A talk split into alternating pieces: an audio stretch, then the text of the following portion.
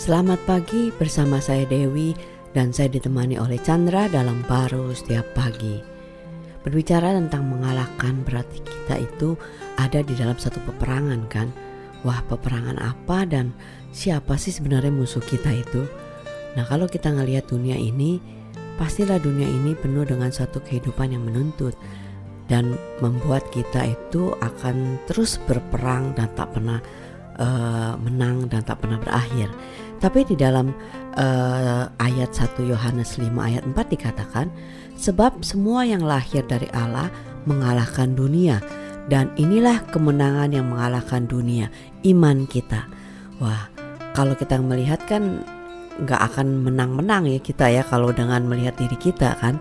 Tapi kita tahu kalau kita punya Tuhan itu kemenangan sudah pasti. Wow, ini berita sangat baik ya kita semua yang nggak pernah bisa menang eh tahu bisa menang gitu kan Betul. jadi bilang mengalahkan dunia ya bagi kita hmm. sederhana tadi ya hidup itu selalu di dunia itu merasa tertuntut aja nah, ya. jadi kayak peperangan harus nggak nggak mau dituntut gitu.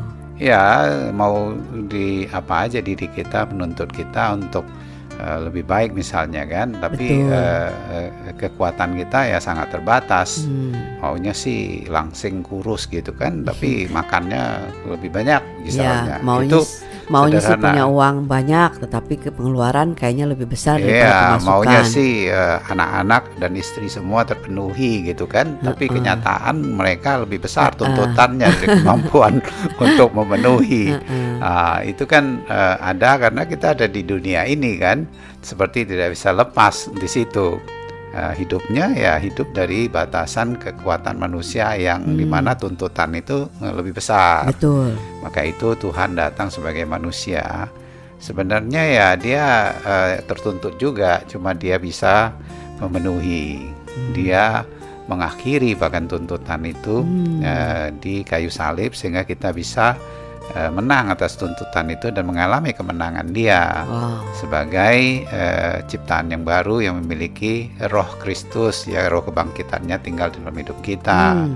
maka itu dikatakan semua yang lahir dari Allah mengalahkan dunia. Mengalahkan dunia, bukan semua yang berusaha dengan keras atau mengharapkan seseorang atau mengharapkan ini, mengharapkan atau itu. mempunyai kekuatan. Ya, mempunyai kekuatan gaib tertentu ter ini hmm. bisa mengalahkan tuntutan dari dunia ini. Hmm. Iya, dia nggak bisa. Nggak bisa, itu namanya perang yang tak pernah berakhir ya. Iya, perang dia nggak usah perang, dia nggak dunia sudah menang kepada dia, dia selalu jadi budak daripada dunia ini.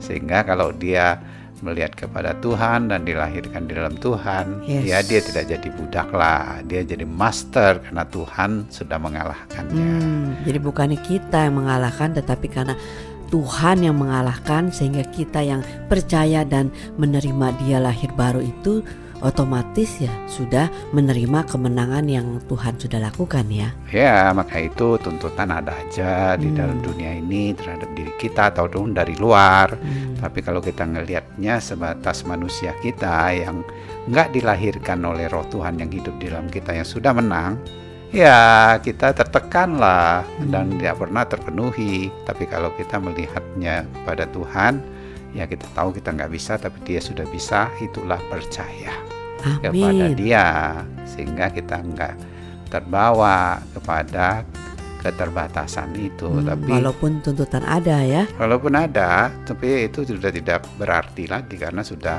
diselesaikan oleh kematian Kristus dan diberikan satu kehidupan kemenangan dia. Sehingga ada cara, percaya. sehingga ada caranya uh, Tuhan sendiri untuk menyelesaikan tuntutan yang ada, sehingga kita nggak perlu stres lagi dan bertempur bagaimana uh, caranya. Tetapi percaya pasti Tuhan memberikan jalannya bagi oh kita. Oh ya, itu jadi suatu yang hanya ekspresi aja. Amin. Tapi tidak tidak tidak mengganggu lagi dalam wow. perjalanan hidup ini. Amin. Amin.